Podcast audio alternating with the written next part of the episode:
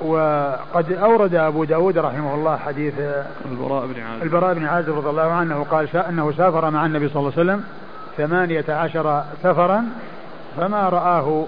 قال فما رأيته؟ ترك ركعتين آه، بعد أن تزيغ الشمس قبل الظهر. ومعنى ذلك أنه كان يداوم على ركعتين قبل الظهر في السفر. لكن هذا الحديث غير صحيح غير ثابت عن رسول الله صلى الله عليه وسلم.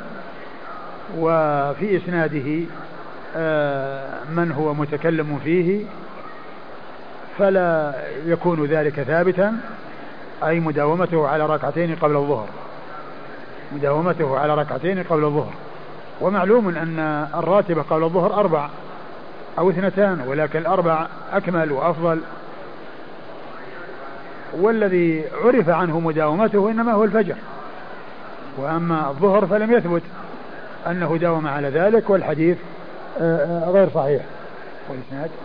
قال حدثنا قتيبة بن سعيد قتيبة بن سعيد مر ذكره عن الليث مر ذكره عن صفوان بن سليم. عن صفوان بن سليم ثقة أخرجه أصحاب كتب الستة. عن أبي بسرة الغفاري. عن أبي بسرة الغفاري وهو مقبول أخرج حديثه. أبو داود والترمذي. أبو داود والترمذي.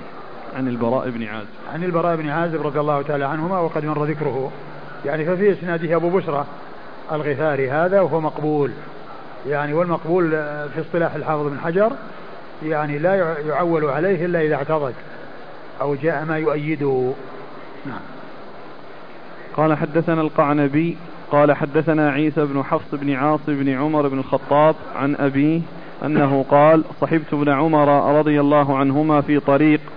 قال فصلى بنا ركعتين ثم أقبل فرأى ناسا قياما فقال ما يصنع هؤلاء؟ قلت يسبحون. قال لو كنت مسبحا أتممت صلاتي. يا ابن أخي إني صحبت رسول الله صلى الله عليه وآله وسلم في السفر فلم يزد على ركعتين حتى قبضه الله عز وجل. وصحبت أبا بكر رضي الله عنه فلم يزد على ركعتين حتى قبضه الله عز وجل.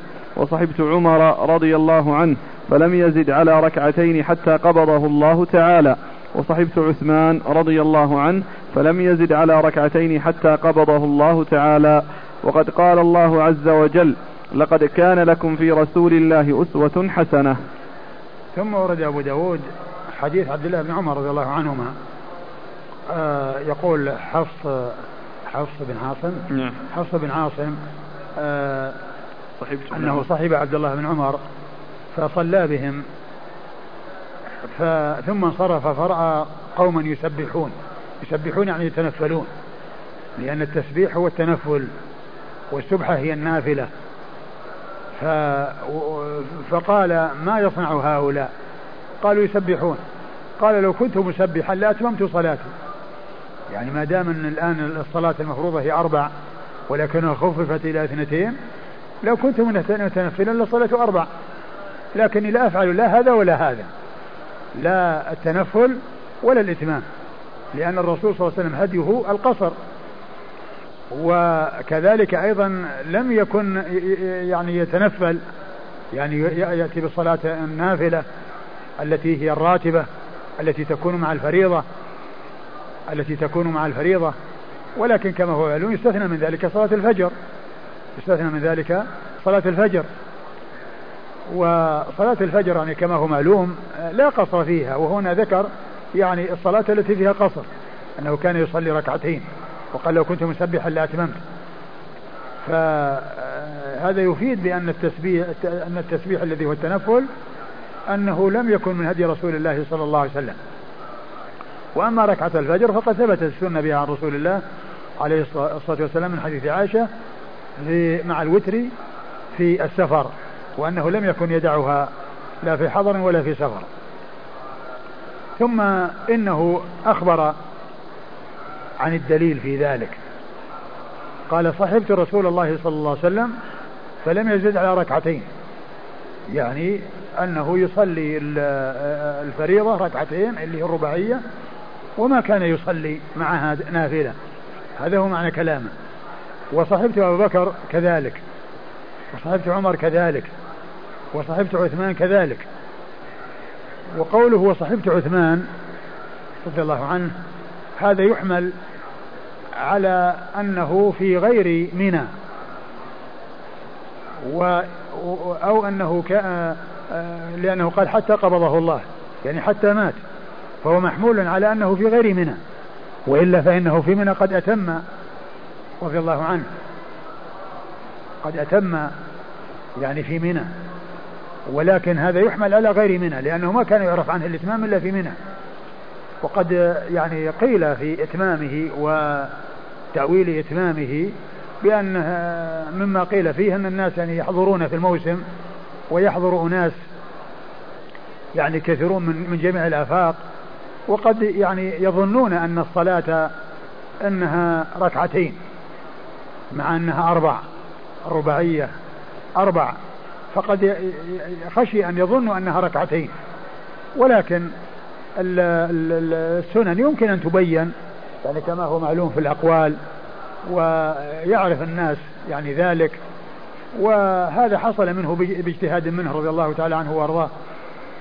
ولهذا كان بعض كان أصحاب رسول الله صلى الله عليه وسلم يصلون وراءه ولا يتركون الصلاة وراءه وقد وهم يرون أنه فعل شيئا يعني السنة بخلافه وهو وهو القصر كما كان رسول الله صلى الله عليه وسلم يفعل.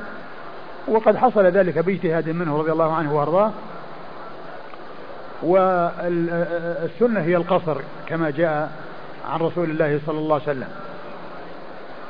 و فإذا قوله حتى قبضه الله محمول على غير منى على غير الصلاة في منى لأنه قصر في منى بعد مضي ست سنوات من خلافته. لأن خلافته 12 مدة خلافته 12 سنة. وكانت ست سنوات كان يصلي ركعتين ركعتين. وبعد ذلك كان يقصر كان يتم رضي الله عنه. ثم قال ابن عمر وقد قال الله عز وجل لقد كان لكم في رسول الله أسوة حسنة. يعني أنه كان يصلي ركعتين وما كان يتنفل. نعم. قال حدثنا القعنبي القعنبي عبد الله بن مسلمة بن قعنب القعنبي ثقة أخرج له أصحاب الكتب الستة إلا ابن ماجه. عن عيسى بن حفص بن عاصم بن عمر بن الخطاب. عن عيسى بن حفص بن عاصم بن عمر بن الخطاب وهو ثقة. أخرج له أصحاب الكتب إلا الترمذي. وهو ثقة أخرج له أصحاب الكتب الستة إلا الترمذي.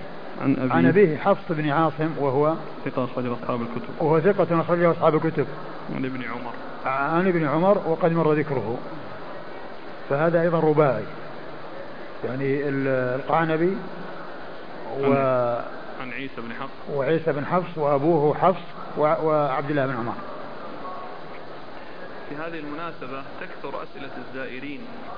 هل لهم أن يتطوعوا في الحرمين؟ نعم لهم أن يتطوعوا في الحرمين. لهم أن يتطوعوا في الحرمين لأن المسجد هذا فيه الصلاة بألف صلاة. وكون الإنسان يعني يعني يدرك هذه الصلاة ويحصل هذا الفضل ويصلي ما شاء وما أمكنه من النوافل في هذا المسجد يفعل.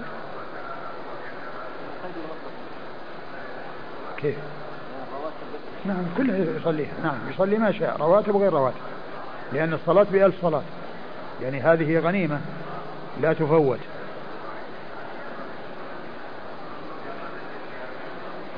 قال رحمه الله تعالى باب التطوع على الراحلة والوتر.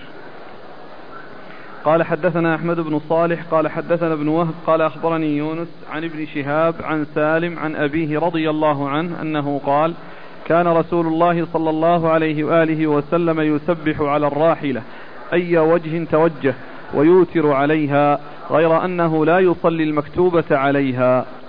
ثم ورد أبو داود هذه الترجمة وهي التطوع على الراحلة.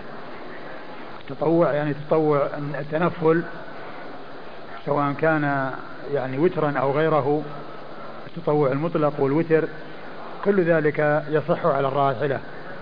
وقد ثبت ذلك عن رسول الله صلى الله عليه وسلم. كما جاء ذلك عن ابن عمر أن النبي صلى الله عليه وسلم كان يسبح على ظهر راحلته يعني يتنفل. التسبيح والتنفل. كان يسبح على ظهر راحلته أي يتنفل يصلي النافلة ويعني يكون إيماءه بالركوع والسجود والسجود أخفض من الركوع.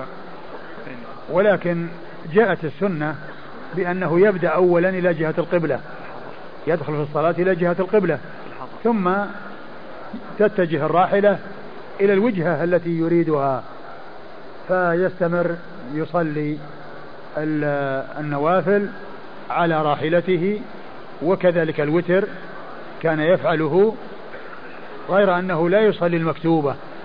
يعني إذا جاء المكتوبة نزل وصلى. وأما النوافل سواء كانت مطلقة أو وترا فإنه كان يصليه فإنه كان يصلي ذلك على الراحلة. فهذا يدلنا على جواز ذلك وهذا إنما يكون في السفر لا في الحضر. لأن النبي صلى الله عليه وسلم ما كان يفعل ذلك إلا في السفر وما كان يفعل ذلك في الحضر. نعم. نعم. وكذلك يعني السيارة مثل مثل الراحلة إلا أنه إذا كانت الصلاة أو صلاته سيكون لها تأثير على قيادته إذا كان قائدا للسيارة ليس له أن يفعل أي شيء. يعني يخل يعني بالقيادة لأن سوق الناقة وركوب الناقة مو مثل قيادة السيارة السيارة قد يترتب على ذلك خطر فإذا كان سيترتب عليه شيء لا يفعل. ويعني آه هو يمكن يعني إنه مو لازم إنه يحرف السيارة ويقلب السيارة وانما يعني يعني يقف ويدخل في الصلاة يعني متجه القبلة يعني ثم يركب السيارة والسيارة تسير على في اتجاهها.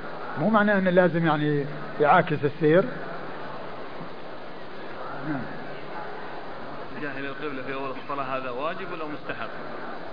لا هو مستحب. ما مستحب. ما ما, ما هو يعني لو صلى على وجهه هكذا دون استقبال؟ لو كيف؟ لو صلى على وجهه على يعني الجهه اللي يسير اليها دون نعم، استقبال نعم نعم دون يستقبل في الابتداء؟ نعم. يصح. لأنه مو بواجب.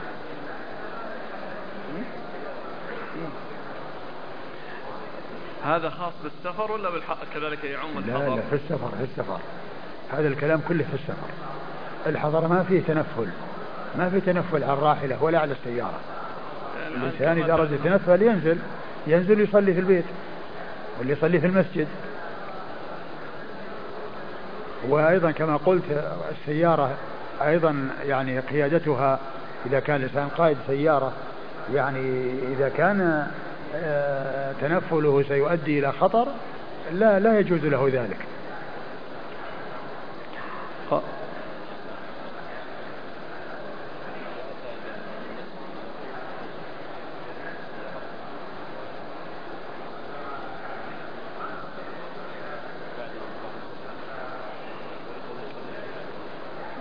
ليس الإنسان يتنفل على ليس الإنسان أن يتنفل يعني وهو راكب السيارة. ولا راكب الدابة في الحضر وإنما التنفل جاء عن الرسول صلى الله عليه وسلم في السفر دون الحضر. والإنسان إذا جاء وقد أقيمت الصلاة يصلي وإذا سلم يقضي الركعتين لأنه جاء جاءت السنة عن رسول الله صلى الله عليه وسلم بأنه يأتيه بأن الإنسان إذا فاته أداؤهما قبل الصلاة يمكن أن يؤديهما بعد الصلاة ويمكن أن يؤديهما في الضحى قضاء. وجاء النهي عن الصلاة بعد العصر بعد المغرب حتى بعد الفجر حتى تطلع الشمس ولكن جاء استثناء هاتين الركعتين اللي هي ركعتا الفجر القبليتين. إذا فاتتا فإن الإنسان يمكن أن يأتي بهما بعد صلاة الفجر. قال حدثنا أحمد بن صالح. أحمد بن صالح ثقة أخرج حديثه البخاري وأبو داود والترمذي في الشمائل. عن ابن وهب ابن وهب مر ذكره. عن يونس. عن يونس بن يزيد الأيلي ثقة أخرج له أصحاب كتب الستة. عن ابن شهاب. عن ابن شهاب مر ذكره. عن سالم. عن سالم بن عبد الله مر ذكره. عن أبيه. عن أبيه عبد الله بن عمر رضي الله عنهما وقد مر ذكره.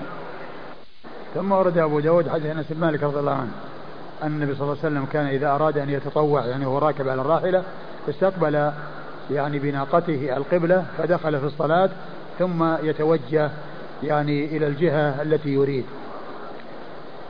فهذا يدل على جواز التنفل على الراحلة وأيضا على يدل على أن الإنسان يستقبل القبلة يعني يسن له ويستحب له أن يستقبل القبلة في دخوله في الصلاة.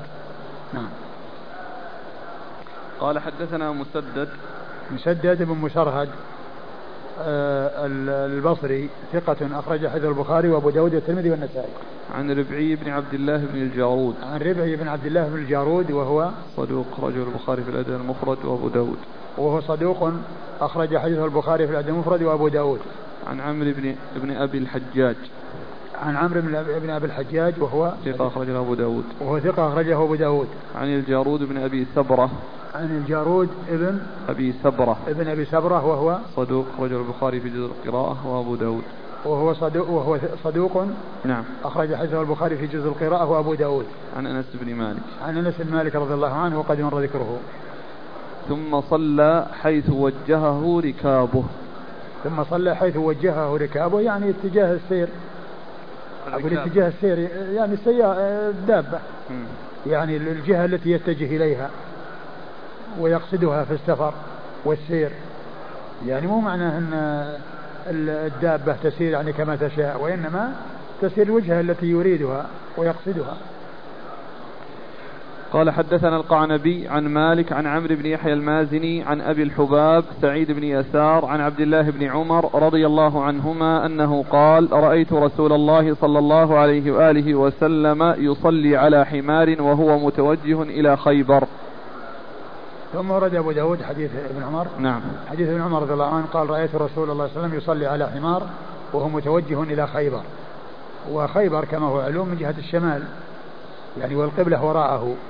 يعني فكان يتنفل على على على على, على حمار. نعم. قال حدثنا القعنبي عن مالك عن عمرو بن يحيى المازني. آه القعنبي ومالك مر ذكرهما وعمرو بن يحيى المازني ثقة أخرج له أصحاب الكتب الستة.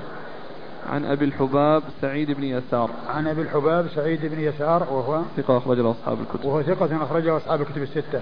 عن ابن عمر. عن ابن عمر وقد مر ذكره.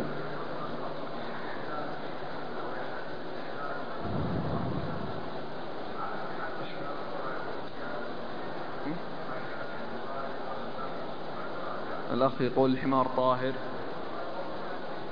الحمار يعني كما هو معلوم نعم طاهر يعني ركوب يعني العرقة وكذا يعني لو كان يعني نجسا لا احتيج إلى غسل غسل الثياب يعني بعد الركوب عليه. وما كانت تغسل الثياب فيعني شعره ويعني ومماسته يعني هو إن كان أنه يعني غير مأكول اللحم وأنه لا يؤكل لحمه وقد كان قبل ذلك يؤكل لحمه ثم حرم إلا أن يعني عرقه لا يق... ليس بنجس لأنهم كانوا يركبون وثيابهم عليه وما كانوا يغسلونها ويصيبها العرق. يعني مثل الهرة. يعني حتى مثل مثل مثل ملامسة الهرة. واللعاب. مثل ملامسة الهرة. الهرة يعني كما هو معلوم كانت يعني تشرب والرسول يصغي لها الإناء. وكان يتوضأ بباقي بفضل شرابها. يعني لعاب ماء طاهر. نعم. لعاب وفضل ماء ولغ فيه الحمار. لا, لا نعم هو مثل الكلب. نعم.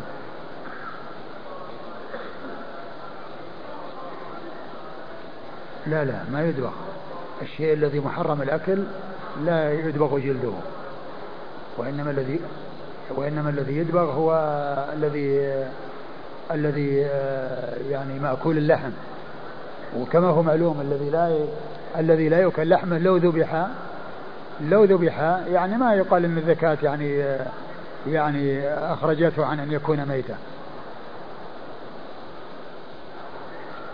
قال حدثنا عثمان بن أبي شيبة قال حدثنا وكيع عن سفيان عن أبي الزبير عن جابر رضي الله عنه أنه قال بعثني رسول الله صلى الله عليه وآله وسلم في حاجة قال فجئت وهو يصلي على راحلته نحو المشرق والسجود أخفض من الركوع. ثم ورد أبو داود حديث جابر رضي الله عنه وهو دال على التنفل على الراحلة وأن النبي صلى الله عليه وسلم بعثه في حاجة يعني كان في سفر فجاء إليه وهو يصلي على راحلته نحو المشرق يعني متجه نحو المشرق والسجود أخفض من الركوع يعني أنه يومئ بالركوع والسجود وأن السجود أخفض من الركوع. فهذا من جملة الأحاديث الدالة على التنفل على الراحلة أي التنفل المطلق نعم. قال حدثنا عثمان بن أبي شيبة. عثمان بن أبي شيبة ثقة أخرجه أصحاب الكتب الستة إلا الترمذي. عن وكيع. عن وكيع بن الجراح الرؤاسي الكوفي. ثقة أخرجه أصحاب الكتب الستة. عن سفيان. عن سفيان وهو الثوري سفيان بن سعيد بن مسروق الثوري الكوفي ثقة أخرج له أصحاب الكتب الستة.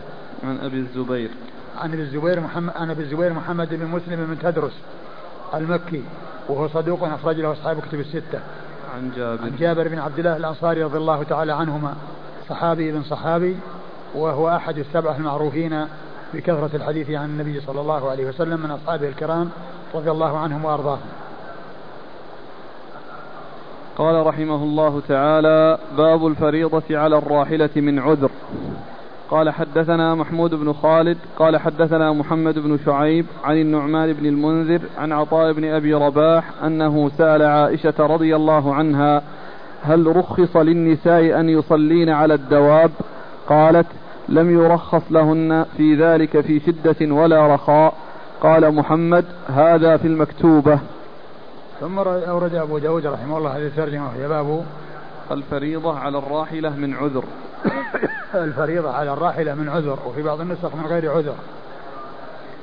والفريضة كما سبق أن مر بنا في الباب الذي قبل هذا أنه كان يتنفل على الراحلة ويصلي الوتر غير أنه لا يصلي المكتوبة. وجاء في كذلك في بعض الأحاديث أنه كان إذا جاء وقت إذا جاءت المكتوبة نزل فصلى فكان لا يصلي على راحلته المكتوبة. وهذا فيه ثم أورد أبو داود حديث عائشة. حديث عائشة رضي الله عنها أنها قالت إيش؟ سألها عطاء هل رخص للنساء أن يصلين على الدواب؟ قالت لم يرخص لهن في ذلك في شدة ولا رخاء. سئل سئلت عائشة هل رخ هل رخص للنساء أن يصلين على الدواب؟ قالت لم يرخص لهن في شدة ولا رخاء يعني تعني المكتوبة يعني في صلاة المكتوبة أنه لم يرخص لهن أن يصلين بل المسافر الراكب عندما يقضي وقت الصلاة ينزل ويصلي سواء كان رجل أو امرأة. ولعل السؤال الذي قد حصل يعني بالنسبة للنساء لكون النساء يعني يعني حملهن في هوادج ويكون في آه، حملهن وتنزيلهن يعني في مشقة.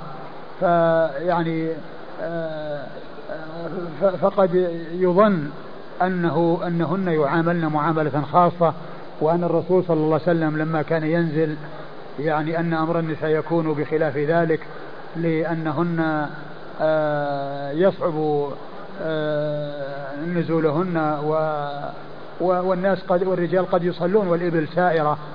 يعني الإبل سائرة وإن لم يعني بخلاف النساء فإنهن لا بد من يعني تنزيلهن وبروك البعير وإخراجها من الهودج الذي تكون فيه. فلعل هذا هو السبب الذي جعل فقالت لم يرخص لهن في شدة ولا رخاء. يعني أنها ما كانت تعرف أنهن كن يعني رخص لهن وأنهن كن, كن يصلين. لكن إذا كان هناك ضرورة يعني ألجأت إلى ذلك كأن يكون خوف يعني على الإنسان ونزولهم يعني يلحق بهم ضررا لو نزلوا فلهم أن يصلوا يعني على الرواحل يعني في حال الضرورة. إذا وجد ضرورة يعني تلجئ إلى ذلك. وأما كونه يعني من أجل المشقة ومن أجل السفر فإن المعروف من هديه صلى الله عليه وسلم أنه لا يصلي المكتوبة إلا وقد نزل. نعم. قال حدثنا محمود بن خالد. محمود بن خالد الدمشقي ثقة أخرج حديثه. أبو داود والنسائي بن ماجه. أبو داود والنسائي بن ماجه. عن محمد بن شعيب. محمد بن شعيب وهو صدوق صحيح الكتاب أخرج له أصحاب السنن. وهو صدوق أخرج له أصحاب السنن. عن النعمان بن المنذر. عن النعمان بن المنذر وهو صدوق أخرج أبو داود والنسائي. صدوق أخرج حديثه أبو داود والنسائي. عن عطاء بن أبي رباح. عطاء بن عن عطاء بن أبي رباح المكي وهو ثقة أخرجه أصحاب كتب الستة.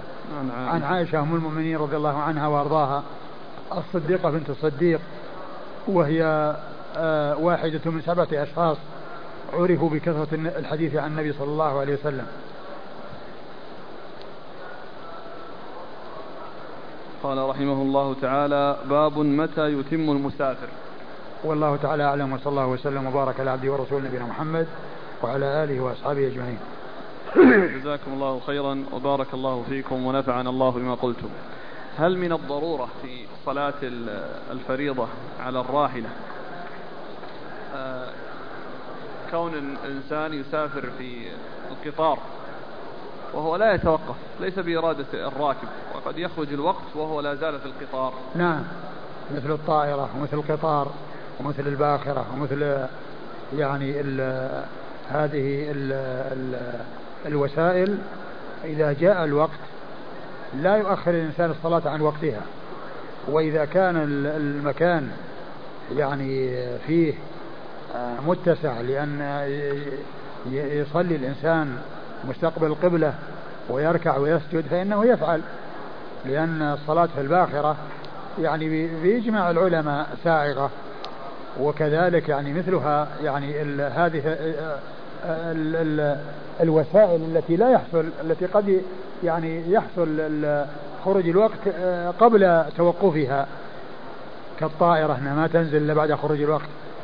فالإنسان يصلي على حسب حاله إذا كان يعني يجد يعني متسع لأنه آه، آه، يركع ويسجد يفعل. وإن لم يجد متسع فإنه يصلي على حسب حاله يعني يقف ويكون مستقبل القبلة ويعني يصلي بالإيماء. أو إذا كان يعني ال ال ال المقاعد السيئة الطائرة يعني متجهة للقبلة يصلي وهو جالس. وإذا كان أنها يعني متجهة إلى غير القبلة فإنه يقف ويستقبل القبلة ويعني يصلي بالإيماء ويكون الركوع أخفض السجود أخفض من الركوع. ولكن إذا وجد مكانا يصلي فيه يركع ويسجد لا يجوز له أن يعدل عن ذلك إلى غيره. يقول قراءة المأموم الفاتحة قبل الإمام. هل يترتب عليها شيء في حال السهو وعدمه؟ إيش معنى إيش المقصود يريد أن يقرأ الفاتحة. كون السهو وقرأ قبل ما؟ أو أو متعمد لأن الإمام قد يطيل بين الاستفتاح والقراءة. والله لا بس لا بس له أن يقرأ. من حلف يمينا ثم حنث به فما هي كفارته حسب الأولوية؟ الكفارة آه هي آه عتق رقبة أو إطعام عشرة مساكين أو كسوتهم. ثم وهو مخير بين هذين. فإن عجز عنهما انتقل إلى الصيام إلى صيام ثلاثة أيام. إن عجز عنهما انتقل يعني إلى صيام ثلاثة أيام. فالعتق والأطعام والكسوة هذه مخير فيها. وإن عجز عنها انتقل إلى الصيام صيام ثلاثة أيام كما جاء ذلك مبينا في سورة المائدة. هل هناك حديث صحيح يدل على النهي عن الاضطجاع على البطن؟ نعم ورد ورد في هذا يعني حديث صحيح يعني يدل على ذلك. ذكرتم بارك الله فيكم التنفل في الحرمين غنيمة والفضل. استسكل بعض الإخوان فقال كيف؟ والنبي صلى الله عليه وسلم يقول صلاة المرء في بيته أفضل إلا المكتوبة.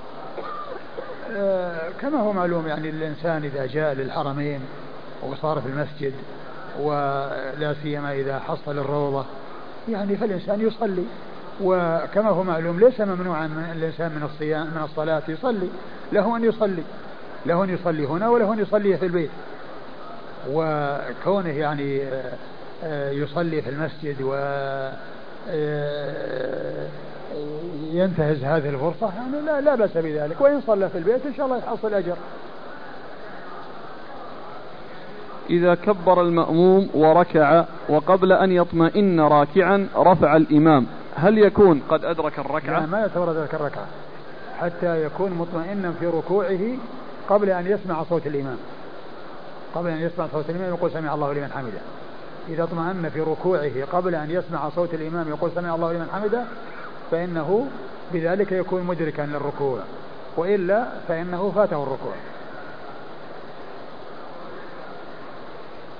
نحن في بلد نقرأ القرآن الكريم على لوح. ونغسل هذا اللوح ونشرب الماء الذي غسلناه. هل يجوز هذا الفعل؟ آه الكتابة مادة الكتابة إيش هي؟ يعني هل هي تشرب؟ لأن المعروف أن الكتابة تكون يعني بمواد يعني آه، ما هي آه، ما هي مستساغة مثل التباشير ومثل الأشياء الأخرى التي يعني الشرب يعني ما له ما له وجه لا سيما إذا كان وقضية الكتابة والشرب يعني بعض أهل العلم قال إن الإنسان يعني يمكن أنه يعني يكتب القرآن يعني في مداد يعني مثل الزعفران أو ما إلى ذلك ويشربه الإنسان ويكون يعني شبيه بالرقية أو مثل الرقية. وفي الحقيقة هذا جاء عن بعض أهل العلم وذكره بعض العلم.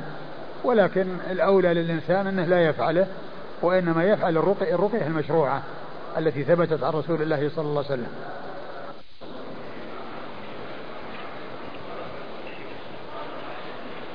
بسم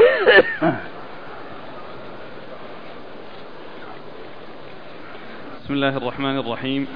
الحمد لله رب العالمين. والصلاة والسلام على عبد الله ورسوله نبينا محمد وعلى آله وصحبه أجمعين. أما بعد قال الإمام أبو داود السجستاني رحمه الله تعالى باب متى يتم المسافر. قال حدثنا موسى بن إسماعيل قال حدثنا حماد قال حاء وحدثنا إبراهيم بن موسى قال أخبرنا ابن علية وهذا لفظه قال أخبرنا علي بن زيد عن أبي نضرة عن عمران بن حصين رضي الله عنهما أنه قال غزوت مع رسول الله صلى الله عليه وآله وسلم وشهدت معه الفتح فأقام بمكة ثمانية عشرة ليلة لا يصلي إلا ركعتين ويقول يا أهل البلد صلوا أربعة فإنا قوم سفر. بسم الله الرحمن الرحيم. الحمد لله رب العالمين وصلى الله وسلم وبارك على عبده ورسوله نبينا محمد وعلى آله وأصحابه أجمعين. أما بعد يقول الإمام أبو داود السجستاني رحمه الله تعالى باب متى يتم المسافر. يعني متى يتم المسافر صلاته إذا أقام ببلد في سفره مدة معينة متى يعتبر يقصر ومتى يعتبر يتم؟ هذا هو المقصود من الترجمة.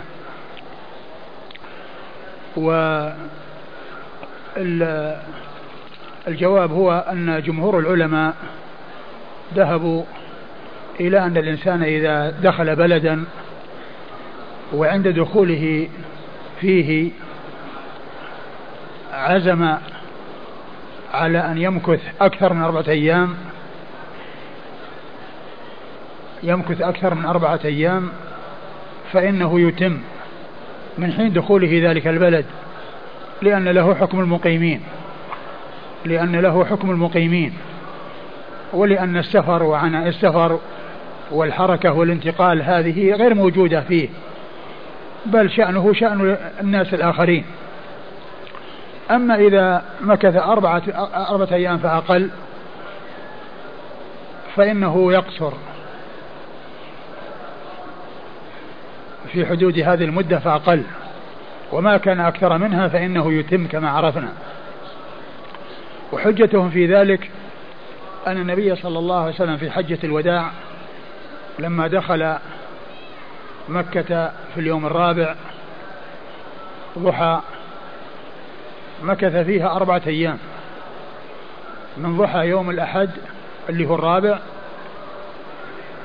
إلى ضحى يوم الخميس الذي هو الثامن تلك السنة التي حج فيها رسول الله صلى الله عليه وسلم وكانت وكان الوقوف عرفة يوم الجمعة.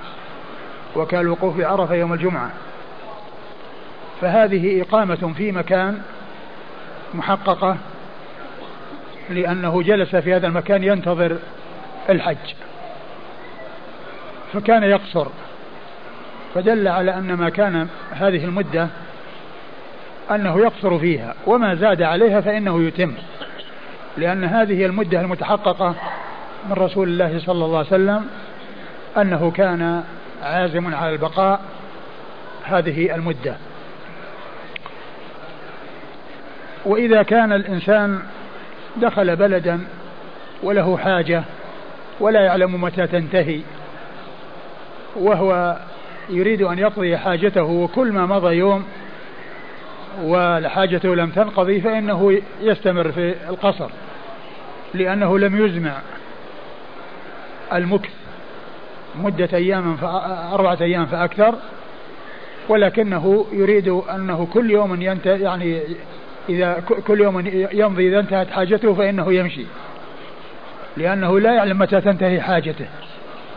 فهذا يقصر ولو طالت المدة. يقصر ولو طالت المدة.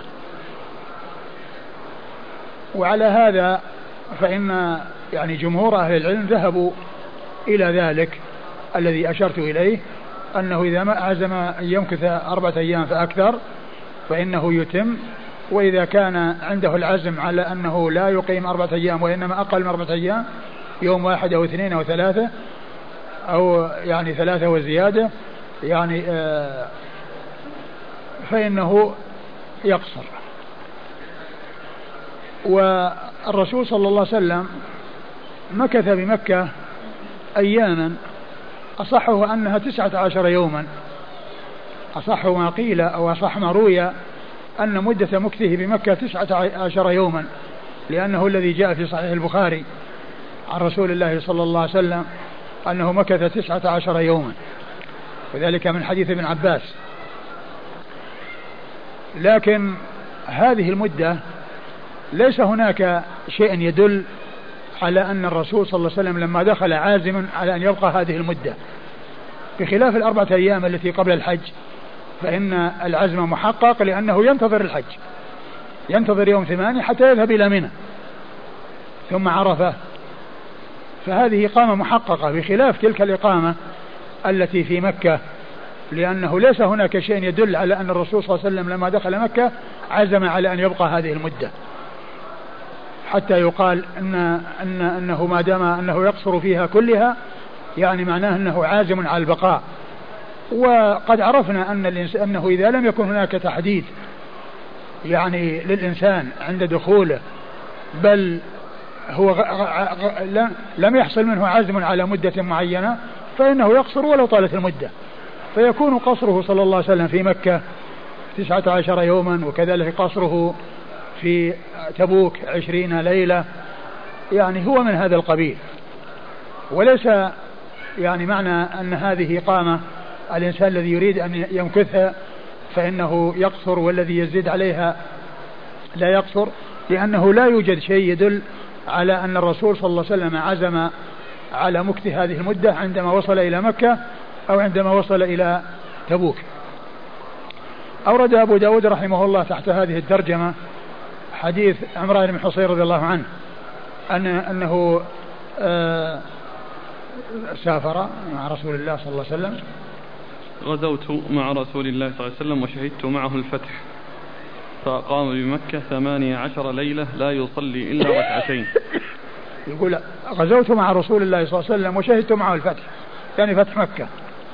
فمكث في مكة ثمانية عشر ليلة لا يصلي إلا ركعتين يعني أنه يقصر الرباعية يقصر الرباعية. ويقول لأهل مكة أتموا يا أهل البلد فإن قوم سفر يعني أن أن المسافرين يقصرون وأهل البلد ليس لهم أن يقصروا.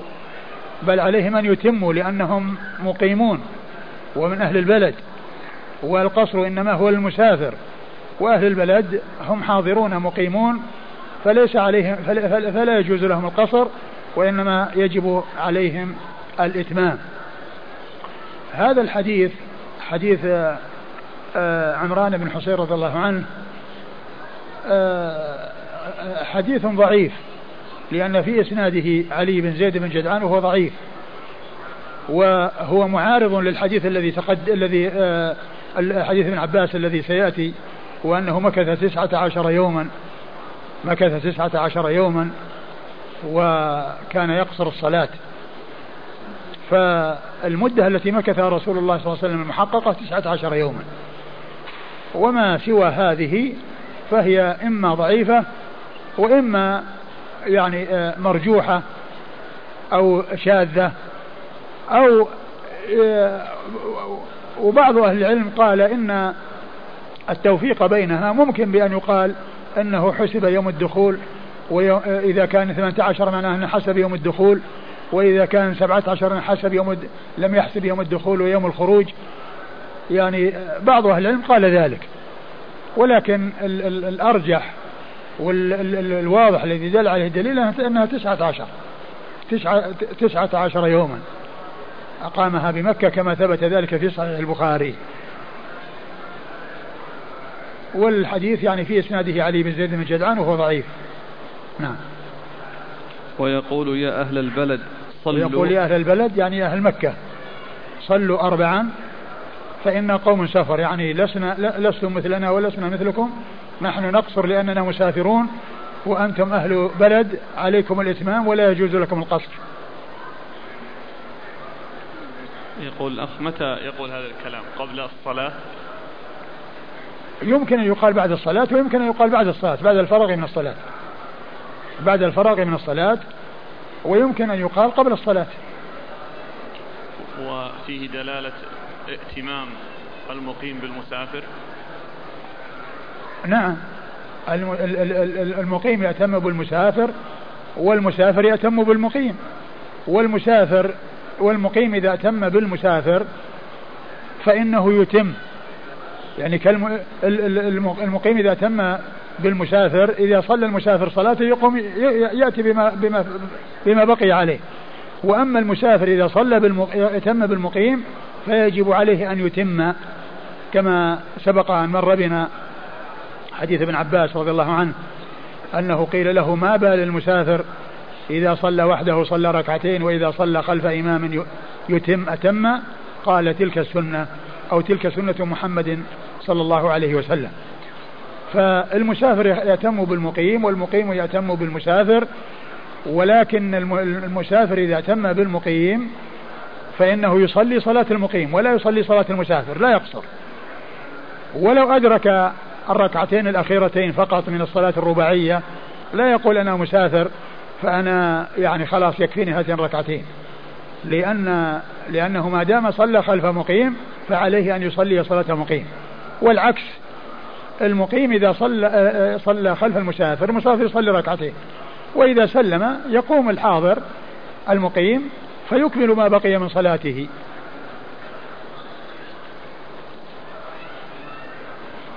قال حدثنا موسى بن إسماعيل. موسى بن إسماعيل التبوذكي البصري ثقة أخرج له أصحاب كتب الستة. عن حماد. عن حماد هو بن سلمة بن دينار البصري ثقة أخرج له البخاري تعليقا ومسلم وأصحاب السنن. قال حا وحدثنا إبراهيم بن موسى. قال حا وحدثنا إبراهيم موسى وهو ثقة أخرج له أصحاب كتب الستة. عن ابن علية. عن ابن علية وهو إسماعيل بن إبراهيم ابن مقسم الأسدي البصري المشهور بابن علية نسبة إلى أمه. وهو ثقة أخرج له أصحاب كتب الستة. وهذا لفظه.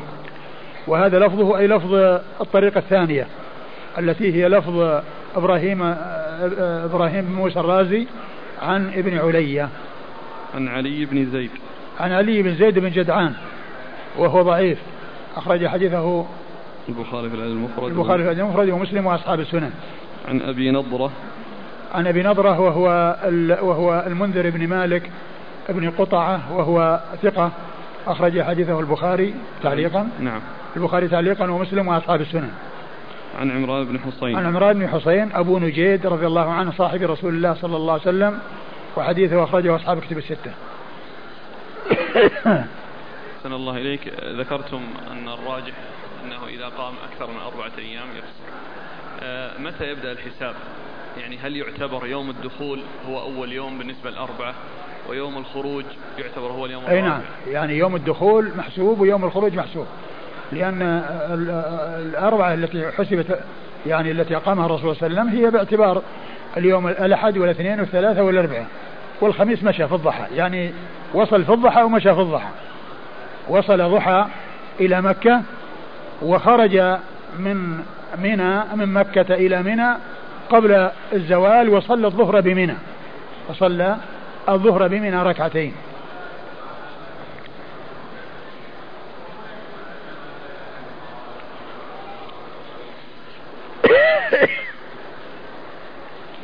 قال حدثنا محمد بن العلاء وعثمان بن أبي شيبة المعنى واحد. قالا حدثنا حفص عن عاصم عن عكرمة عن ابن عباس رضي الله عنهما أن رسول الله صلى الله عليه وآله وسلم أقام سبع عشرة بمكة يقصر الصلاة.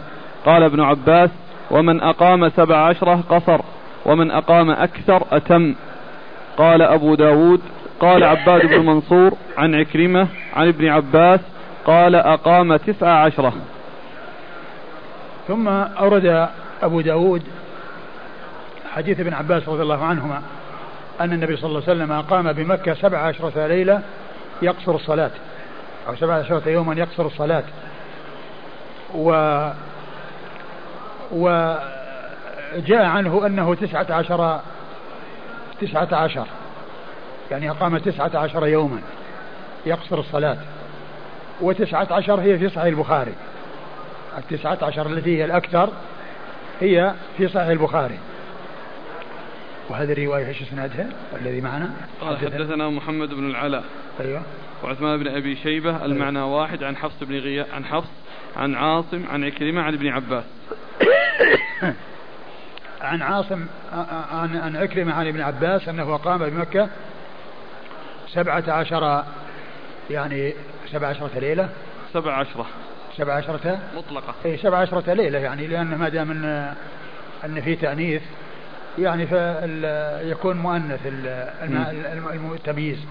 يعني سبع عشرة ليلة ولو كان يوما سبعة عشر سبعة عشر. يعني يوما سبعة عشرة يعني ليلة يقصر الصلاة. وهذا يعني ال يعني الإسناد يعني صحيح ولكنه يعني مخا يعني مقابل للحديث الآخر الذي في 19 فيكون 19 هو المحفوظ وهو الأرجح ويكون هذا شاذ. أو أنه يعني بعض أهل العلم قال إنه يعني صحيح وأنه معتبر ولكن قد من قال سبعة عشر لم يحسب يوم الدخول ولا يوم الخروج. لم يحسب يوم الدخول ولا يوم الخروج فينقص اثنين من التسعة عشر فيصير يعني سبعة عشر. نعم. قال حدثنا محمد بن العلاء محمد بن العلاء بن كريب أبو كريب البصري ثقة أخرج له أصحاب كتب الستة. وعثمان بن أبي شيبة. وعثمان بن أبي شيبة ثقة أخرج له أصحاب كتب الستة إلى الترمذي. المعنى واحد عن حفص. عن حفص بن غياث وهو ثقة أخرج له أصحاب الكتب. أصحاب الكتب الستة. عن عاصم. عن عاصم بن سليمان الأحول وهو ثقة أخرج له أصحاب الكتب الستة. عن عكرمة. عن عكرمة هو ابن عباس وهو ثقة أخرج له أصحاب الكتب الستة. عن عكرمة. عن عكرمة هو ابن عباس وهو ثقة أخرج له أصحاب الكتب الستة. عن ابن عباس. عن ابن عباس عبد الله بن عباس بن عبد المطلب ابن عم النبي صلى الله عليه وسلم وأحد العبادلة الأربعة من الصحابة وأحد السبعة المعروفين بكثرة الحديث عن النبي صلى الله عليه وسلم. قال أبو داود قال ابن عباس ومن أقام سبع عشرة قصر ومن أقام أكثر أتم. يعني آه، ابن عباس قال قال آه، يعني بنى على على قال هذا الكلام بناء على هذا الحديث. من أقام سبع عشرة آه، قصر ومن أقام أكثر من ذلك أتم. لكن كما سبق أن عرفنا أن الجمهور قالوا إن أكثر مدة هي التي تزيد على أربعة أيام والتي يتم إذا كان عزم على بقائها عند الدخول ويكون يعني ما جاء في فتح مكة وفي تبوك إنما هو شيء غير معزوم عليه عند الدخول غير معزوم عليه. يعني ما هناك شيء يفيد أن الرسول صلى الله عليه وسلم سيمكث هذه المدة عند الدخول. والمسافر إذا يعني تمادى به المكث وهو ليس عنده عزم على البقاء عند الدخول فإنه يقصر لو طالت المدة. نعم. قال أبو داود قال عباد بن منصور عن عكرمة عن ابن عباس قال أقام تسع عشرة. قال عباد بن منصور عباد بن منصور آه، ثقة أخرج له؟ صدوق أخرج له صدوق أخرج له؟ البخاري تعليقا وأصحاب السنن. البخاري تعليقا وأصحاب السنن.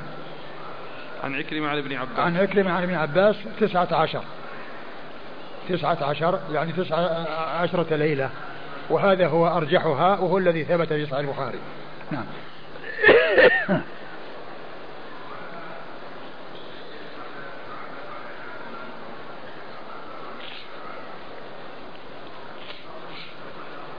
قال حدثنا النفيلي قال حدثنا محمد بن سلمة عن محمد بن إسحاق عن الزهري عن عبيد الله بن عبد الله عن ابن عباس رضي الله عنهما أنه قال أقام رسول الله صلى الله عليه وآله وسلم بمكة عام الفتح خمس عشرة يقصر الصلاة.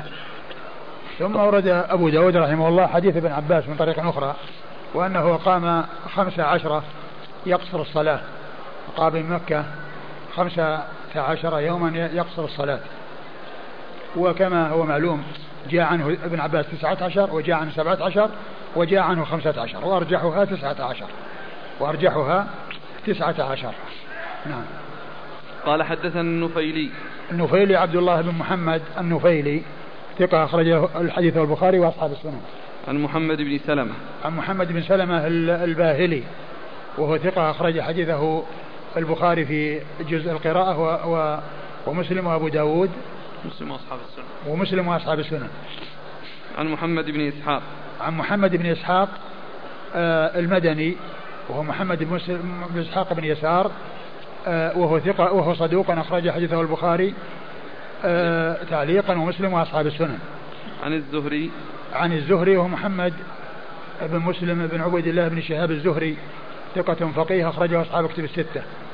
عن عبيد الله بن عبد الله. عن عبيد الله بن عبد الله بن عتبة بن مسعود. أحد فقهاء المدينة السبعة في عصر التابعين. وهو ثقة أخرجه أصحاب كتب الستة. عن ابن عباس. عن ابن عباس مر ذكره. قال أبو داود روى هذا الحديث عبدة بن سليمان وأحمد بن خالد الوهبي وسلمة بن الفضل أيوة عن أبي إسحاق. عن ابن إسحاق.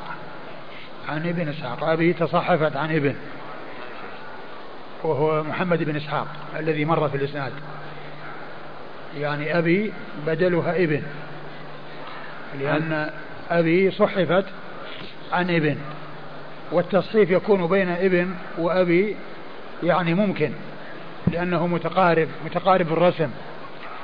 وسبق أن عرفنا أن من أنواع علوم الحديث معرفة من وافقت كنيته اسم أبيه. من وافقت كنيته اسم أبيه. وفائدته معرفة هذا النوع أن لا يظن التصحيف لأن الحين لو كان ابن إسحاق كنيته أبو إسحاق يعني يستقيم. سواء قيل أبو إسحاق أو ابن إسحاق. لكن ابن إسحاق كنيته أبو بكر. ابن إسحاق كنيته أبو بكر وليس أبي إسحاق. فإذا هي مصحفة. يعني أبي بدلها ابن جاءت مصحفة عن ابن.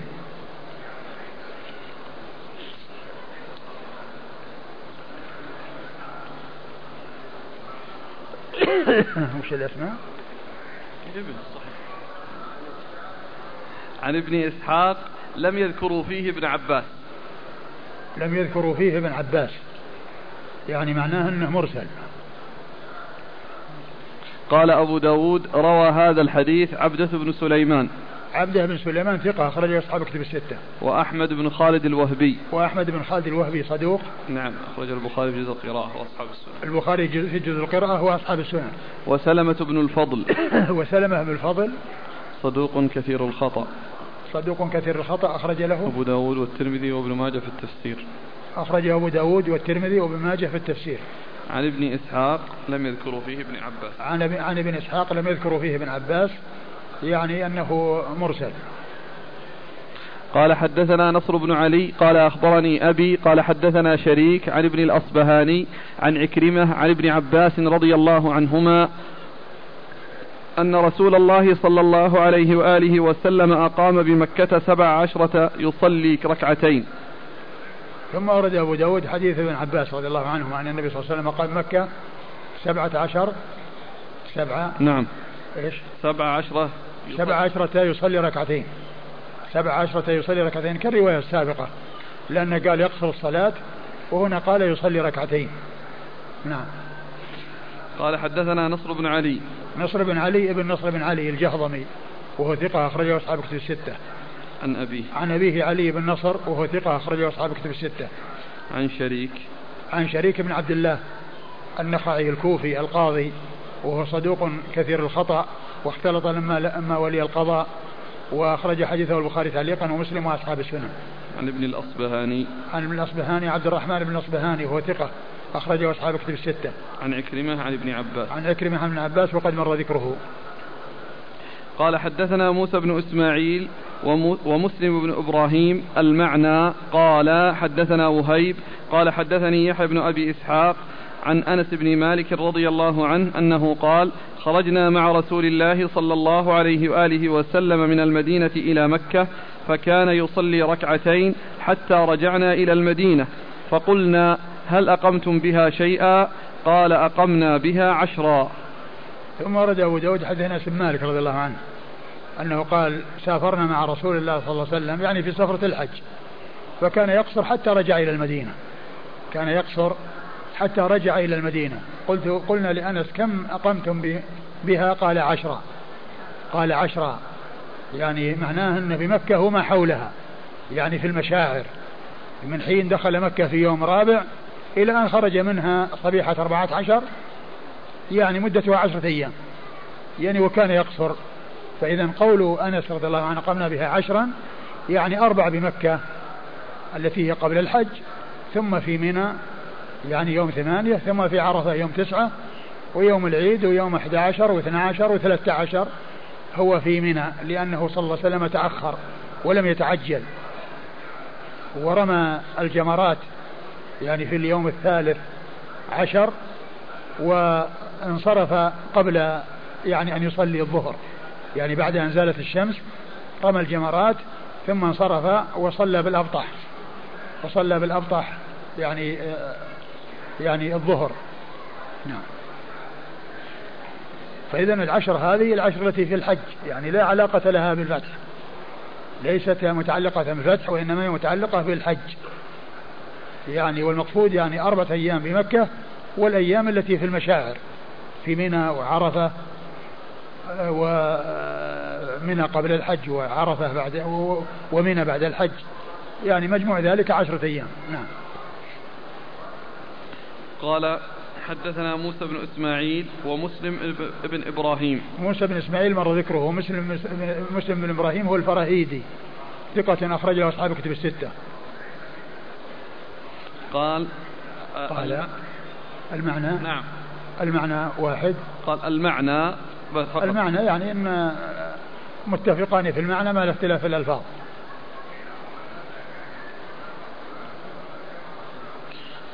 قال قال عن وهيب. وهيب بن خالد ثقة أخرج له أصحاب كتب الستة. عن يحيى بن أبي إسحاق. يحيى بن أبي إسحاق وهو صدوق ربما أخطأ أخرج له أصحاب الكتب. صدوق ربما أخطأ أخرج له أصحاب الكتب الستة. عن أنس بن مالك. عن أنس بن مالك رضي الله عنه خادم رسول الله صلى الله عليه وسلم وصاحبه وأحد السبعة المعروفين بكثرة الحديث عن النبي صلى الله عليه وسلم.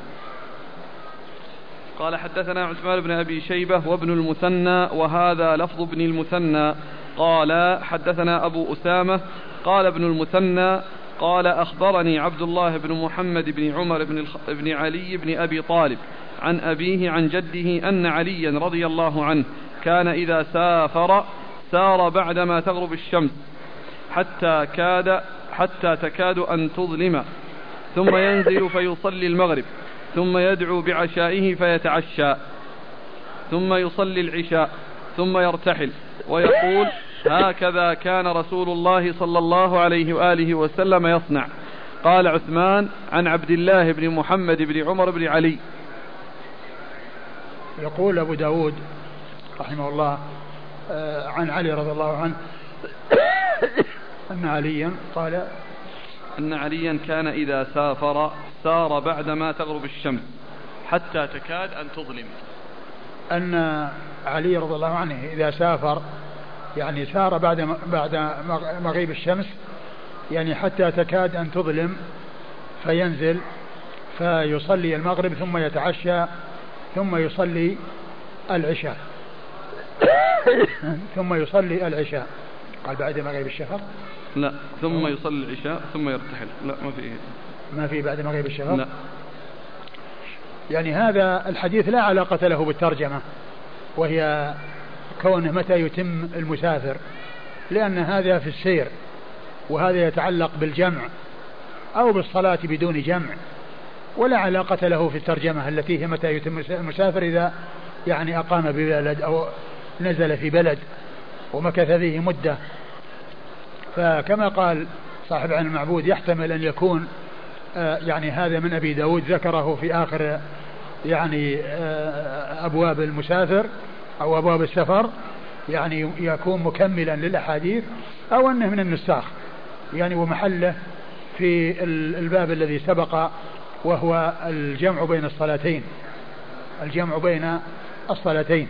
وقد مر أحاديث يعني آه، في هذا المعنى.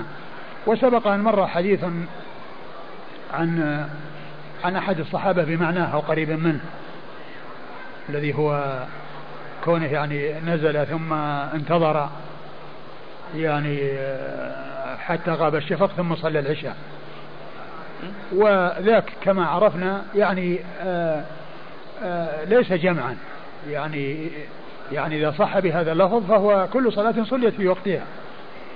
وهذا الحديث يحتمل أن يكون يعني ذلك بعد مغيب الشفق وأن يكون صلى المغرب وتعشى بينه, بينه وبين العشاء أو أنه صلى المغرب في وقتها وتعشى ثم انتظر العشاء أو انتظر وقت العشاء ثم صلىها في وقتها. ثم صلىها في وقتها فلا يكون جمعا. فلا يكون جمعا. نعم. والإسناد يقول بعدما ذكر هذا الفعل من علي ويقول هكذا كان رسول الله صلى الله عليه وسلم يصنع. نعم. قال حدثنا عثمان بن أبي شيبة وابن المثنى. عثمان بن أبي شيبة مر ذكره. وابن المثنى هو محمد المثنى أبو موسى العنزي الملقب الزمن ثقة أخرجه أصحاب الكتب الستة بل هو شيخ لأصحاب الكتب الستة. وهذا لفظ ابن المثنى.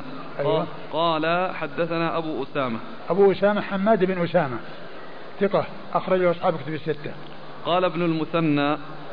قال ابن المثنى يعني في آه، الشيخ الثاني. أخبرني. نعم. أخبرني عبد الله بن محمد. أخبرني عبد الله. نعم. ابن محمد. محمد ابن ابن عمر بن علي. ابن عمر بن علي بن أبي طالب. يعني أنه عبر بالإخبار. لأنه سيأتي فيما بعد يقول وقال ابن وقال عثمان عن عبد الله. نعم. عن عبد الله يعني أن ابن المثنى عب تعبيره بالتحديث وهذا تعبيره بالعبي عنه. وهذا المقصود منه المقصود منه يعني آه، بيان الصيغ التي جاءت عن هذا وعن هذا. وإذا كان الشخص مدلسا يعني يصير لأخبرني فائدة وهي أنه يزول التدليس. لكن إذا كان الشخص الذي غير معروف بالتدليس أو الشخص الذي يعني يعبر بعن يعني ليس مدلسا هي مثل كالمتصل. يعني بمعنى سمعته وإنما الإشكال في عن إذا كان الشخص مدلس. هذا هو الذي يصير فيها إشكال. وأما عنعنة غير المدلس فهي محمولة على الاتصال. يعني ما في احتمال الانقطاع إلا في حق من كان مدلسا. والمقصود هنا أن يعني بيان الفرق بين عبارة محمد المثنى وعبارة عثمان. فعثمان في طريقه وفي الإسناد الذي جاء من طريقه في أخبرني. عبد الله بن محمد بن عمر بن علي بن أبي طالب. وأما عثمان بن أبي شيبة فإن عبارته آه يعني يقول عن عن عبد الله بن محمد. هذا عبر بأخبرني وهذا عبر بعنه أيوه. وعن عن عبد الله. نعم. وهذا مقبول أخرج له. أبو داود والنسائي. أخرجه أبو داود والنسائي. عن أبيه نعم. آه محمد بن عمر. م. محمد بن عمر وهو؟ صدوق أخرجه أصحاب السنن. وهو صدوق أخرجه أصحاب السنن. عن جده. عن جده ثقة أصحاب السنن اللي هو عمر آه ثقة أخرجه أصحاب السنن. ثقة أخرجه أصحاب السنن. عن علي. عن علي أن علي بن أبي طالب رضي الله عنه. أن علي بن أبي طالب قال إيش؟ أن علي بن أبي طالب كان إذا فعل يعني فعل كذا وقال هكذا رسول كان الرسول صلى الله عليه وسلم يفعل. عن يعني فيكون المرفوع عن علي لأنه حكى يعني عنه فعله وقال آه، أن الرسول صلى الله عليه وسلم كان يصنع ذلك فيكون عن علي رضي الله عنه. وعلي رضي الله عنه هو علي بن أبي طالب أمير المؤمنين ورابع الخلفاء الراشدين الهادين المهديين صاحب المناقب الجمة والفضائل الكثيرة رضي الله عنه وأرضاه وحديثه عند أصحاب الكتب الستة. قول هنا آه، سار بعدما تغرب الشمس حتى تكاد أن تظلم. ثم ينزل فيصلي المغرب. يعني كأنه يعني معناه كأنه مبكر. يعني ما ما غاب الشفق لا زال. أي نعم. يعني باقي وقت أي نعم. ولهذا تغدى تعشى صلى ثم تعشى ثم بعد ذلك صلى العشاء.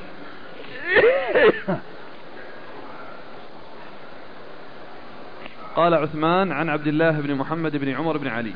يعني هذا المقصود يعني من أجل أن عبارة غير عبارة ابن مثنى التي جاءت في أثناء الإسناد. لأنه قال هذا لفظ ابن مثنى فساقه على لفظ المثنى وفيه التعبير بالأخبار. وأما عثمان فالتعبير تعبيره بعن. نعم. هذه إشارة من أحد الطلاب جزاه الله خير. يقول شيخنا بارك الله فيك وفي ذريتك. جاء في إسناد أحد الأحاديث في درس اليوم عمر بن علي بن أبي طالب. نعم. فهل يدل هذا على سلامة صدور أصحاب رسول الله صلى الله عليه وسلم بعضهم لبعض؟ ولذلك سمى ولده باسم عمر. لا شك. أقول هذا أقول لا شك. يعني أصحاب رسول الله صلى الله عليه وسلم يعني الخلفاء الراشدين الأربعة وغيرهم كانوا يعني آه يعني آه كانوا متصافين. وإذا حصل يعني شيء من الاختلاف فيعني في آه في يعني في في أمر من الأمور فذلك لا يؤثر. أقول لا يؤثر لأن الشيء الذي يعني يجمعهم هو هو نصرة الدين ويجتمعون على نصرة الدين وإذا كان شيء في النفوس فهو لأمر طارئ. لأمر طارئ من الأمور التي تجري بين الناس. كما يجري الإنسان بينه وبين أهله وبين ولده. يجري أمور يعني يكون فيها يعني شيء من يعني من من, من يعني تكدير الصفو ولكنها لا تؤثر.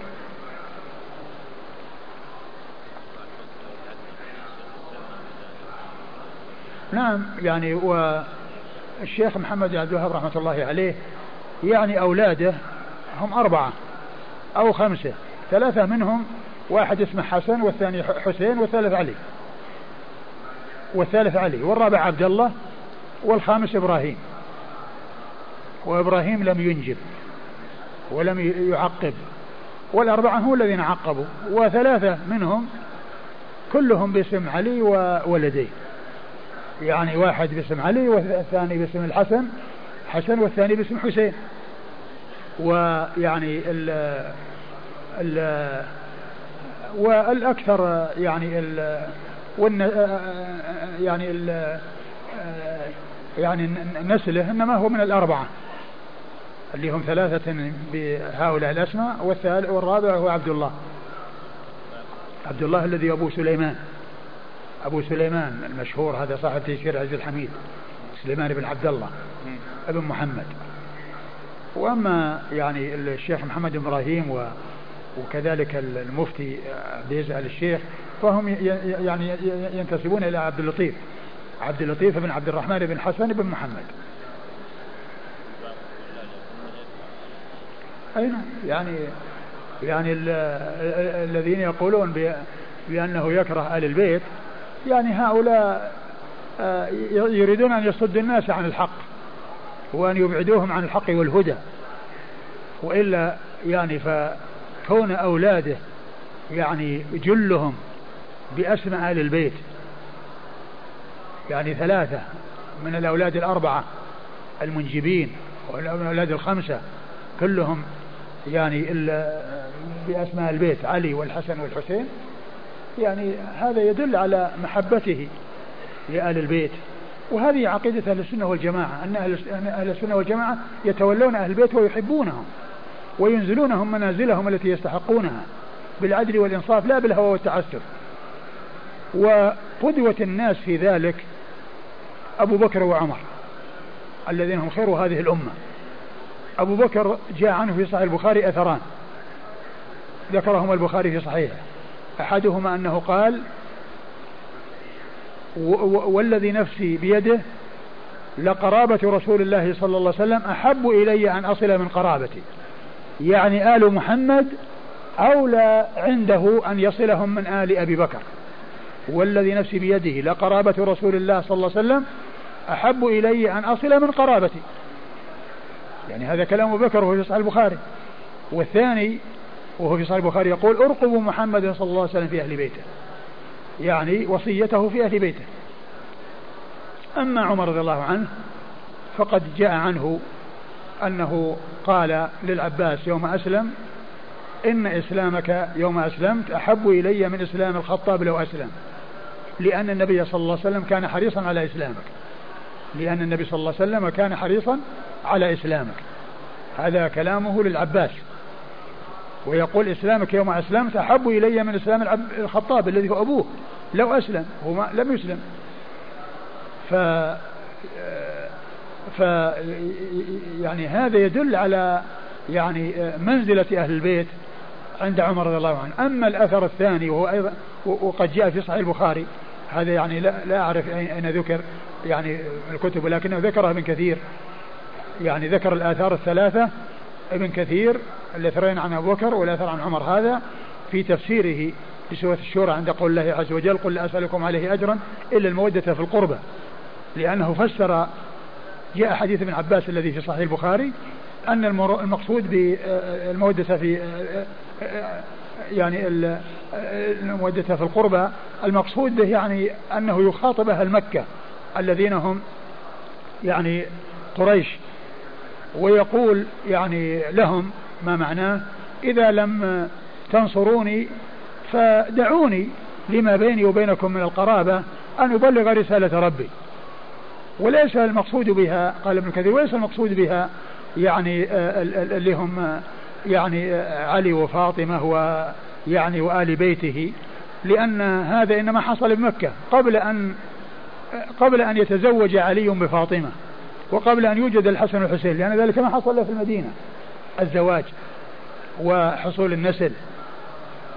ثم إنه بعدما ذكر أن الآية لا تدل على هذا وجاب أثر من عباس في صحيح البخاري عن المقصود بقريش وأن وذكر المعنى قال وقد جاءت النصوص في فضل أهل البيت واحترامهم وتوقيرهم وجاء بكلام أبي بكر وعمر في صحيح أبي بكر في صحيح البخاري والأثرين والأثر الذي عن عمر ما أتذكر أين هو الآن أو عزاه إلى أي مصدر. لكن هناك أثر عن عمر رضي الله عنه في صحيح البخاري أن أنه لما حصل الجدب والقحط وخرج بالناس يستسقي طلب من العباس أن يدعو وقال اللهم إن كنا إذا أجدبنا توسلنا إليك بنبينا فتسقينا. يعني طلبنا منه أن, أن يدعو لنا فيدعو فتسقينا. وإنا نتوسل إليك بعم نبينا فأسقنا قم يا عباس ادعو الله. قال ما ما قال نتوسل إليك بالعباس؟ قال بعم نبينا. ذكر الصلة التي تربط بالرسول صلى الله عليه وسلم وهي العمومة. وإنا نتوسل إليك بعم نبينا فأسقنا قم يا عباس ادعو الله. فهذان أثران عن عمر يعني في بيان منزلة أهل البيت. وهذه عقيدة أهل السنة والجماعة. يعني قدوتهم وسلفهم في ذلك. خير الأمة بعد رسول الله صلى الله عليه وسلم أبو بكر ثم عمر رضي الله تعالى عنهما. نعم.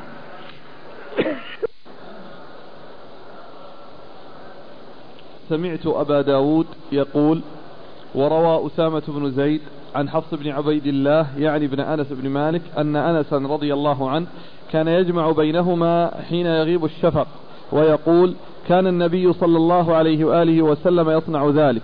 ورواية الزهري عن أنس عن النبي صلى الله عليه وآله وسلم مثله. ثم بعد ذلك أورد قال سمعته سمعت أبا داود. أيوة إيش يقول؟ يقول وروى أسامة بن زيد عن حفص بن عبيد الله يعني ابن أنس بن مالك. سمعت أبا داود الذي يقول سمعت أبا داود هو اللؤلؤي يعني الذي يروي عن الكتاب عن أبي داود. هو الذي يقول هذا. يقول وروى أسامة بن زيد عن حفص بن عبيد الله. وروى أسامة بن زيد يعني وهو الليثي. أسامة بن زيد الليثي وهو صدوق يهم. صدوق يهم أخرج له البخاري تعليقا ومسلم وأصحاب السنن. البخاري تعليقا ومسلم وأصحاب السنن. عن حفص بن عبيد الله.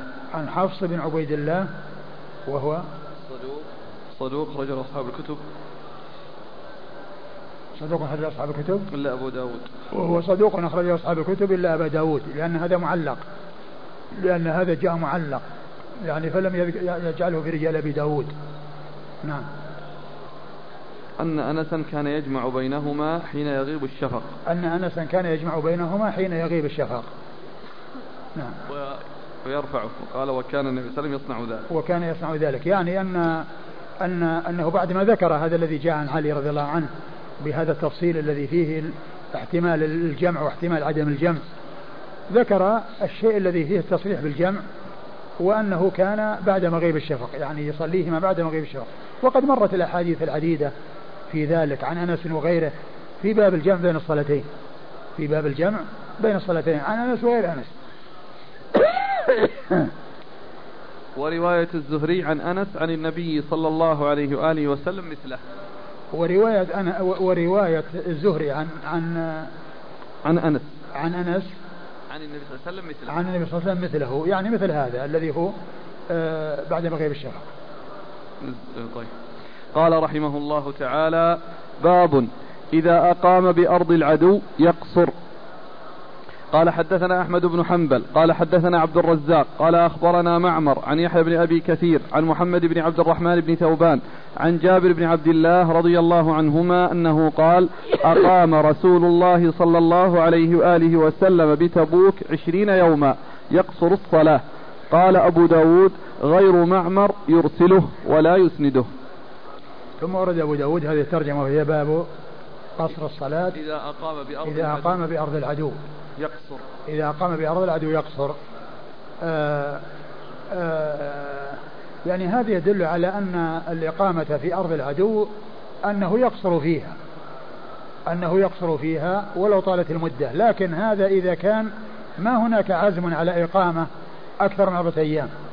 وأما إذا كان يعني ليس هناك عزم وإنما يعني لا يعرف متى ينتهي كونه يحاصر بلد ويستمر الحصار. وكل يوم يعني يقول يعني لعلهم ينتهون ولعلهم يعني يصلون إلى ما يريدون فإنه يقصر ولو طالت المدة. يقصر ولو طالت المدة مثل الذي حصل في فتح مكة. لأن ما هناك تحديد أو ما هناك عزم على البقاء. نعم. أقام رسول الله صلى الله عليه وسلم بتبوك. حديث من؟ عبد جابر بن عبد الله. حديث جابر بن عبد الله. أقام رسول الله صلى الله عليه وسلم بتبوك. عشرين يعني يوما. عشرين يوما يقصر الصلاة. عشرين يوما نعم. يقصر الصلاة. أي نعم. تبوك كانت أرض للعدو. أي نعم. قال حدثنا أحمد بن حنبل. لأنها يقول هي أول, هي أول الشام تبوك. أول بلاد الشام. وكانت لأن الشام كل المنطقة الشمالية هذه بلاد الشام الأردن وفلسطين وسوريا كل هذه بلاد الشام. كلها قالها الشام.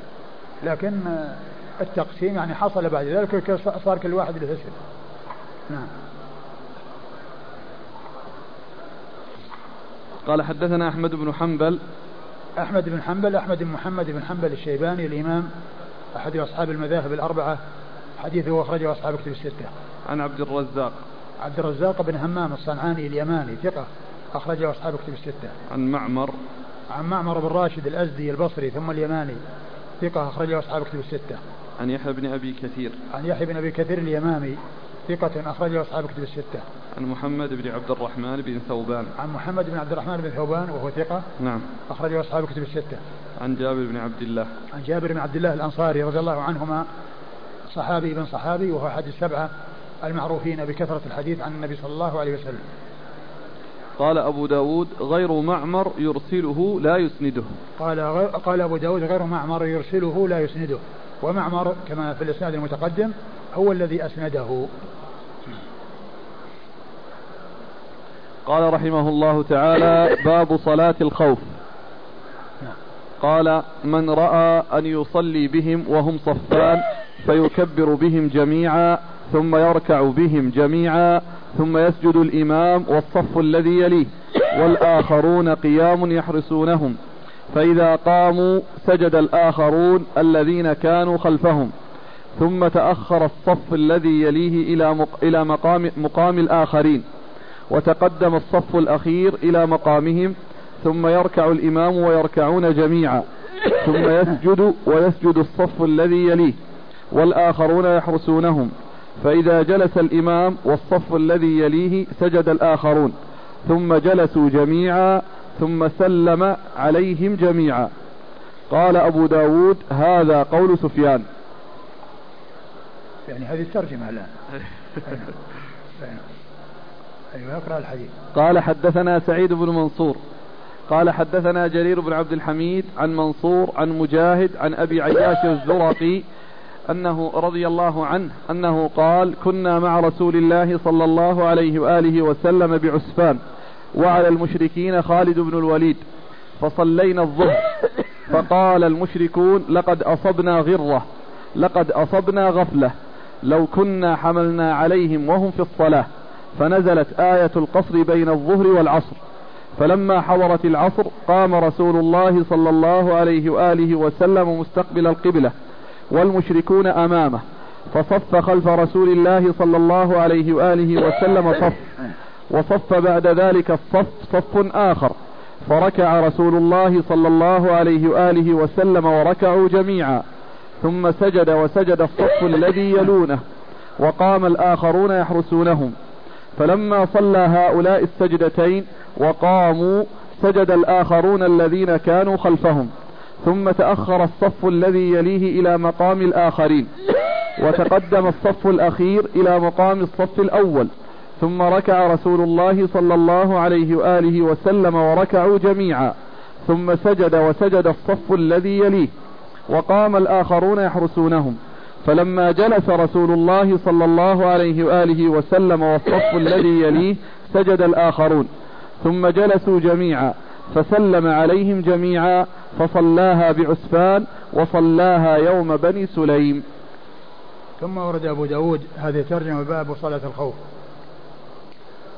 باب صلاة الخوف آه الخوف يعني من العدو.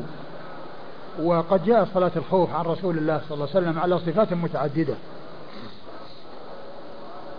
ومنها ما إذا كان العدو في جهة القبلة ومنها إذا كان في غير جهة القبلة. وهذا الذي أورده المصنف أولا في الباب إذا كان العدو في جهة القبلة. إذا كان العدو في جهة القبلة. وأتى بالترجمة يعني على وفق الحديث لأنه في باب صلاة الخوف يعني يذكر في الترجمة آه، من قال بمقتضى يعني ذلك وأي الحديث ويسرد يعني مجمل الحديث أو أكثر الحديث. ثم يسوق الحديث بإسناده ثم بعدما يذكر الترجمة المطولة التي فيها التفصيل يذكر الحديث بإسناده. وهذه الترجمة آه، آه، فيما إذا كان في جهة القبلة. يعني معناه ممكن أن يكون يعني أخصر ويعني أن يقال إذا كان في جهة القبلة أو صفة صلاة الخوف إذا كان في جهة القبلة. لكن أبا داود رحمه الله في التراجم المختلفة في هذا الباب يأتي بالترجمة مطولة فيسوق يعني مجمل الحديث أو غالب الحديث الذي اشتمل على على صفة صلاة الخوف. وهذه الحديث الذي أورده أبو داود عن أبي عياش الزرقي. عن أبي, أبي عياش. نعم. أبي عياش الزرقي. نعم. أبي عياش الزرقي رضي الله عنه قال إنه لما كانوا في عسفان وكان على جيش المشركين آه، خالد بن الوليد وذلك قبل أن يسلم وبعد ذلك أسلم وحسن إسلامه وجاهد في سبيل الله وفتح الفتوحات رضي الله تعالى عنه وأرضاه. فالرسول صلى الله عليه وسلم لما صلوا الظهر قال الكفار إن يعني أدركنا غرة يعني هذه الصلاة التي صلوها لو أننا يعني انقبضنا عليهم فيها يعني تمكنا منهم. فنزلت يعني آية القصر فإنه فلما جاء العصر صلى بالناس صلاة الخوف بالطريقة التي تخالف ما يريده المشركون. فصف وكانوا في جهة القبلة. يعني كان المشركون في جهة القبلة. فالرسول صلى الله عليه وسلم صف أصحابه صفين. وصلى بهم. دخل في الصلاة بهم جميعا. وهم قائمون جميعا. وركعوا جميعا. ورفعوا جميعا. ثم بعد ذلك سجد رسول الله صلى الله عليه وسلم وأهل الصف الأول. أصحاب الصف الأول سجدوا. والباقون اللي هم الصف الثاني واقفين يحرسون. يعني لأن العدو في, في, في الجهة. هؤلاء يسجدون وهؤلاء واقفين. فسجدوا اللي هم الصف الأول وقام الرسول صلى الله عليه وسلم بهم. فوقفوا. فسجد أهل الصف الثاني. سجد أهل الصف الثاني السجدتين ثم قاموا. فصاروا كلهم قائمين في الركعة الثانية. فتقدم أهل الصف الأخير وتأخر أهل الصف الأول. اللي كانوا في الخلف تقدموا صاروا صف أول. واللي كانوا صف أول صاروا صف آخر. حتى يعني يحصل لهم مثل ما حصل للأولين.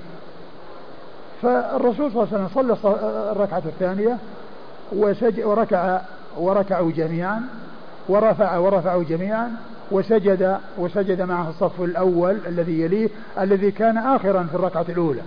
الذي كان آخرا في الركعة الأولى وتقدم.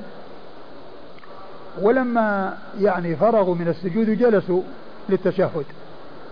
نزل أولئك الذين يعني في الصف الثاني الذي كانوا في الصف الأول في الركعة الأولى وسجدوا السجدتين وجلسوا. وسجدوا السجدتين وجلسوا في التشهد ثم سلم بهم صلى الله عليه وسلم. فهذه الهيئة حيث كان العدو في جهة القبلة فيه أداء الصلاة وفيه الحراسة وفيه الحراسة دون أن يقسم الناس إلى مجموعتين كما سيأتي في صفات صلاة الخوف إذا كان العدو في غير جهة القبلة.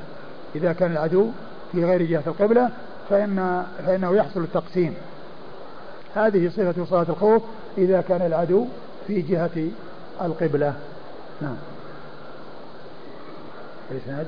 قال حدثنا سعيد بن منصور. سعيد بن منصور ثقة أخرجه أصحاب كتب الستة. عن جرير بن عبد الحميد. جرير بن عبد الحميد الضبي الكوفي ثقة أخرجه أصحاب كتب الستة. عن منصور. عن منصور بن المعتمر الكوفي ثقة أخرجه أصحاب كتب الستة. عن مجاهد. عن مجاهد بن جبر المكي وهو ثقة أخرجه أصحاب كتب الستة. عن أبي عياش. عن أبي عياش الزرقي وهو إيش؟ صحابي أخرج له أبو داود. وهو صح... وهو أخرج له أبو داود النسائي أبو داود والنسائي. والله تعالى أعلم وصلى الله وسلم وبارك على عبده ورسوله نبينا محمد وعلى آله وأصحابه أجمعين.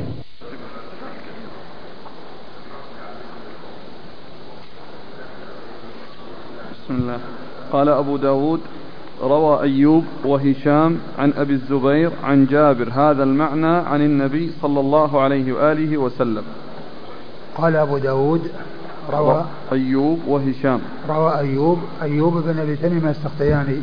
ثقة أخرجه أصحاب الكتب الستة وهشام يحتمل أن يكون هشام بن حسان وهشام هشام بن أبي تميم السختياني أو هشام بن عروة لأنهم كل منهما روى عن أبي الزبير. هشام. هشام بن بن عروة وهشام بن أبي تميم السختياني. هشام بن هشام بن أبي عبد الله نعم. ابن أبي عبد الله السختياني. وكل منهما ثقة أخرج أصحاب كتب الستة. و الدستوائي. ها؟ إيش؟ نعم الدستوائي أنا إيش قلت؟ هشام بن أبي عبد الله الدستوائي. أظن في واحد ثالث. أي ثالث بس ما أتذكره يعني ذكره هشام بن سعد. هشام بن سعد ذكره في تهذيب الكمال. تهذيب نعم. أي نعم. عن عن أبي الزبير. عن أبي الزبير هو محمد بن مسلم بن تدرس المكي ثقة أخرج أصحاب كتب الستة. عن جابر عن جابر رضي الله عنه وقد مر ذكره. قال وال, وال, وال يعني وحديث جابر في صحيح مسلم. بس ما أدري إيش الإسناد عنده. كيف جاء؟ حديث جابر في صحيح مسلم. اي اي نعم. ذكر في, في بلوغ المرام. نعم. وكذلك رواه داود بن حسين عن عكرمة عن ابن عباس. وكذلك رواه يعني هذه الصفة التي إذا كان العدو في جهة القبلة وهذه الكيفية التي مرت أيضا جاءت عن ابن عباس. داود بن الحسين نعم. وش هو؟ قال ثقة إلا في عكرمة. أخرج له أصحاب الكتب. وهنا يروي عن عكرمة؟ نعم. ثقة إلا في عكرمة أخرجه أصحاب الكتب وعكرمة هو مولى ابن عباس مر ذكره. عن ابن وابن عباس. مر ذكره. قال وكذلك عبد الملك عن عطاء عن جابر. وكذلك عبد الملك يعني بن أبي سليمان. عبد الملك بن أبي سليمان وهو ثقة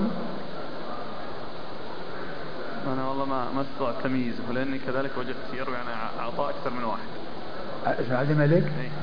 عبد الملك؟ وين التقريب؟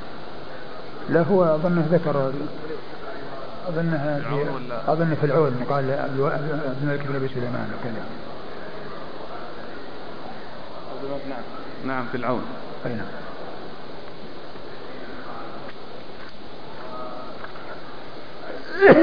عبد الملك بن أبي سليمان. العزمي؟ العرزمي نعم. أيوه.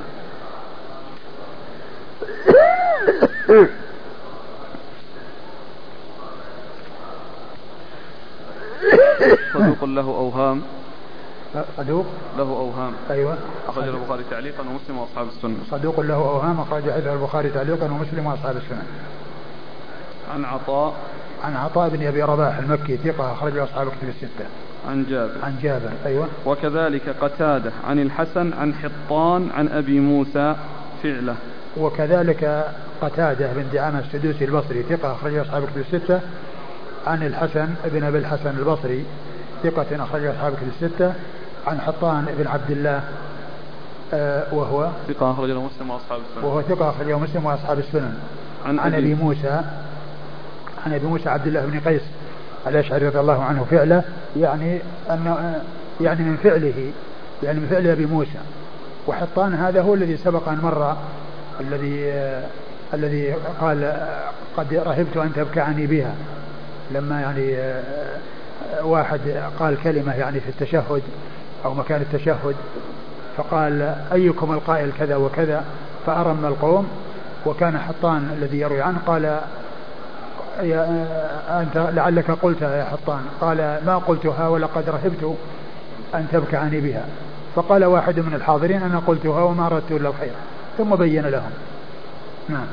أبو موسى رضي الله عنه يعرف أنه هذا حطان عنده الحركات الظاهر يعني كان يعني أقول كأنه يعني يعني لعله يفهم. وأيضا قوله لا لعلك تبكعني يعني كان لعله كان ينظر إليه.